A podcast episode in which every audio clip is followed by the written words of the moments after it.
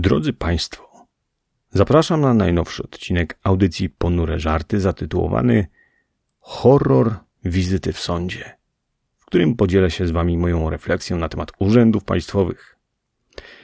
Serdecznie zapraszam do wysłuchania audycji.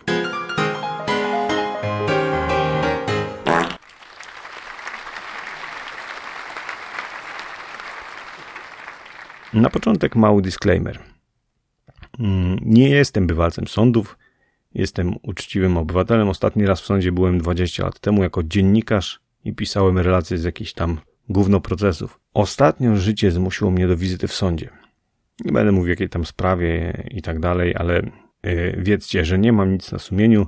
Taka tam życiowa sprawa, dość standardowa. No i yy, pierwsza kwestia to jest taka, że oczywiście nie udało mi się z tej sprawy załatwić, nie tak od razu że tak na dobrą sprawę to jeszcze nie wiem, czy, czy mi się udało, czy nie, to się okaże, ale no, byłem tam dwa dni z rzędu, bo um, nie, nie, wiem, czy kojarzycie film Asterix i Obelix, 12 y, prac Asterixa, o. Oni mieli tam takie jedno zadanie, w którym wysłali do jakiegoś urzędu w Rzymie i oni musieli biegać z piętra na piętro, jakieś formularze podbijać, a w końcu byli bliscy szaleństwa. No i mniej więcej coś takiego miało miał miejsce pierwszego dnia, y, bo no, w biurze podawczym wysłali mnie do biura obsługi interesanta, żebym przed złożeniem papierów upewnił się, że wszystko jest jak należy. No i wchodzę do tego biura obsługi interesanta, tam siedzi facet i od razu na wejściu informuje mnie, że on nie może patrzeć na te moje papiery, bo RODO i on może tylko i wyłącznie powiedzieć mi, co ja muszę mieć no to to już jest jakby pierwsza żółta kartka, no bo to, co ja powinienem mieć, no to ja sobie mogę przeczytać na stronie internetowej. Oczywiście o ile pod warunkiem, że taka informacja jest na stronie internetowej, nie jest to informacja jakaś ściśle tajna, więc w teorii powinna być. Oczywiście źle to sobie przygotowałem, ale facet z biura interesanta nie mógł tego mi powiedzieć, ponieważ z uwagi na RODO nie mógł obejrzeć tego, co ja tam sobie przygotowałem, więc no tak jak mówiłem, żółta kartka. Na to idą moje podatki, żeby taki gościu z biura interesanta nie mógł mi powiedzieć, że mam dobrze przygotowany papier, czy nie. Borodo. No ale dobra, idźmy dalej. Biuro podawcze. Wszyscy oczywiście trzymają się z dala od moich y, rodopapierów, jakby to, jakby tam był nakaszlany koronawirusem. No i w końcu tam wychodzi, że źle, że źle, no bo składam dwa wnioski dotyczące dwójki dzieci, a na dwóch osobnych wnioskach, wobec czego potrzebuję dwóch kompletów wszystkich dokumentów, a niektóre mogą być kopią, niektóre nie, to tak mniej więcej losowo. A tak naprawdę mogło to być wszystko na jednym wniosku i wtedy nie potrzebowałbym dwóch kompletów, tylko wystarczyłby jeden i byłoby git. jeszcze baba mi mówi, że będę musiał zapłacić dwie opłaty, no to ja mówię, że zapłaciłem dwie opłaty, no bo skoro dwa te, no to dwie opłaty, no okej, okay, zapłaciłem. No ona mnie pyta, czy, czy jakbym miał piątkę dzieci, no to bym zapłacił pięć razy. No ni niestety dobre riposty przychodzą po czasie, ale ciekaw jestem, co by mi powiedział, gdybym powiedział, że... a gdybym miał setkę dzieci. Hmm? W każdym razie nie, nie, wydaje mi się, że to jest, nie jest zasrany interes. Zapłaciłem za dwójkę, no i po co dalej w to brnąć? Klucz całej sytuacji jest to, że, że w tym całym aparacie nie udało mi się załatwić tej sprawy, ponieważ informacja, że mogę to zrobić na jednym dokumencie, nie była jakaś tam przesadnie wyeksponowana. Znaczy w ogóle nie była wyeksponowana.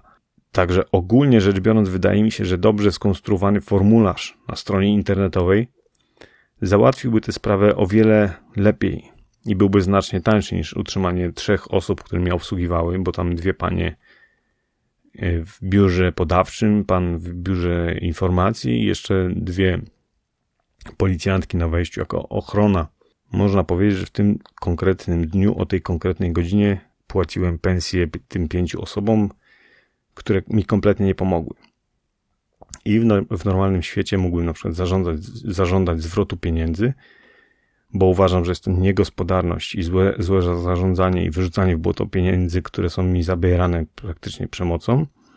No a nie mogę. Nie ma takiej funkcji w systemie, że ja rezygnuję z tego wszystkiego. Znam przypadki firm, które były udupione, praktycznie zmuszone do zakończenia działalności z uwagi na to, że istniało jakieś tam w ogóle podejrzenie, że coś mo może być nie tak mimo że nie było pokrzywdzonych, nikt nie poniósł straty, po prostu urzędnikom coś tam się skojarzyło nie tak. E, mówię o bardzo konkretnym przypadku, gdzie zapadł wyrok oczyszczający z, z, wszelkich zarzutów, wszystko było ok, wszystko zgodnie z literą prawa, Tyle, że no, firma jakby się zawinęła w międzyczasie, no bo wizerunkowo było, był problem. Jak zaczęli wzywać wszystkich klientów na policję na przesłuchanie. Także y, jak mówię, że podatki to kradzież, a ktoś mówi, że kradzież, no to jak sobie wyobrażasz funkcjonowanie państwa bez podatków, no to właśnie y, pytanie, jak funkcjonuje z podatkami, no bo wygląda, że funkcjonuje właśnie tak, że nasze podatki idą na utrzymanie legionów urzędników, którzy posiadają totalnie randomowy wskaźnik kompetencji. I ich dzień wygląda tak, że przychodzą, piją kawusie y, za twoje pieniądze, potem sobie 8 godzin z zegarkiem w ręce robią sprawy. I tutaj nie ma za bardzo co wnikać, y, jakiej to są natury sprawy, no bo człowiek może tego pożałować, bo na przykład przeważnie to jest mówienie ludziom, że nie może sprawdzić, czy wnioski są poprawnie wypełnione borodo, albo na przykład mówi, że mogli złożyć jeden wniosek zamiast dwóch, bo niepotrzebnie wnieśli opłaty i co by było, gdyby mieli pięcioro dzieci. Taki normalny dzień pracy. Potem około 15, raczej przed niż po, urzędnik sobie idzie do domu, gdzie sobie siedzi przed telewizorem i myśli, jaki jest fajny, no bo pełni ważną funkcję w aparacie. Dzień Wolności Podatkowej przypadł w tym roku na 22 czerwca. To znaczy, że połowa pieniędzy, prawie połowa pieniędzy y, idzie na tych ludzi.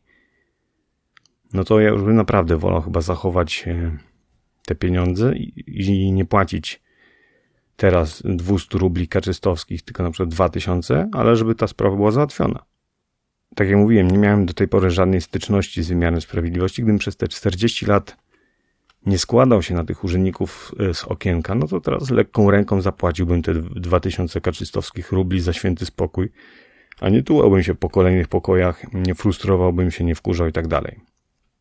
Także jest to kolejny rozgoryczony odcinek o tym, o tym, jak bardzo to, co publiczne jest uwstecznione, prymitywne i nieefektywne. Y, byłem też ostatnio na poczcie, ale to już sobie darujmy. Mm. Bo nagrywanie odcinka o Poczcie Polskiej to by było równie nikczemne jak zabranie dziecku lizaka. Albo nagrywanie polemiki do wyżygów Jasia Kapeli. Swoją drogą, jak szuka, szukałem grafik do okładki tego podcastu, a szuka się po angielsku, no to sobie sprawdzałem, jak po angielsku jest urząd i urzędnik. I nie za bardzo istnieją e, takie odpowiedniki w języku angielskim, które w wystarczającym stopniu oddawałyby to, to, czym jest w Polsce urzędnik czy urząd. Bo według translatora urząd to jest office, czyli biuro. No ja nigdy nie nazwałbym urzędu biurem, bo do biura się przychodzi, coś się załatwia. Jest się obsługiwanym, a do urzędu, nieważne w jakiej sprawie, no to przychodzisz jako intrus, który zakłóca sekretne życie urzędników. Z kolei po angielsku urzędnik według translatora to official albo clerk. Więc znów taki dysonans, no bo no official nijak mi nie pasuje do pani z okienka, z kolei clerk, no to niby ekspedient, ale też pracownik biurowy, kancelista. Moje pierwsze skojarzenie to jest film Clerks, czyli sprzedawcy, czyli jakby nie było, no też ktoś, kto cię obsługuje, obsługuje dostarcza ci jakąś usługę, jakąś wartość. A urzędnicy no nie, nie obsługują do tego, co urzędnicy robią, lepiej pasuje taki trochę przydługawy opis tolerowanie tego, że zawracasz im dupę pierdółami, będąc jednocześnie niekompetentny, niedoinformowany i w rezultacie nieprzygotowany. No, urzędnik to ktoś, bardziej ktoś, kto znosi petentów, czyli taki bardziej patient, osoba cierpliwa. Przynajmniej w ich oczach. Także taka ciekawostka. Do następnego. Czasami masz ochotę na gwar i na towarzystwo, a czasami wręcz odwrotnie. W tym wręcz odwrotnie jakoś łatwiej się zorganizować. Z towarzystwem różnie bywa. Masz ochotę na pogawędkę, czy na posłuchanie rozmowy, na spotkanie przez duże S albo przez małe S, ale trzeba wyjść, trzeba się umówić, trzeba się zsynchronizować, ustalić czas i miejsce, dojechać, dojść i tak dalej. Czasami chce się poznać nowych ludzi. Albo odejść od stolika tak bez słowa, w pół zdania, po prostu, bez konsekwencji. I dlatego w takich chwilach, kiedy dobra rozmowa, fajna rozkmina są Ci potrzebne, wbijaj do towarzystwa z Radia Dialog. Radio Dialog? Same dobre podcasty. Non stop.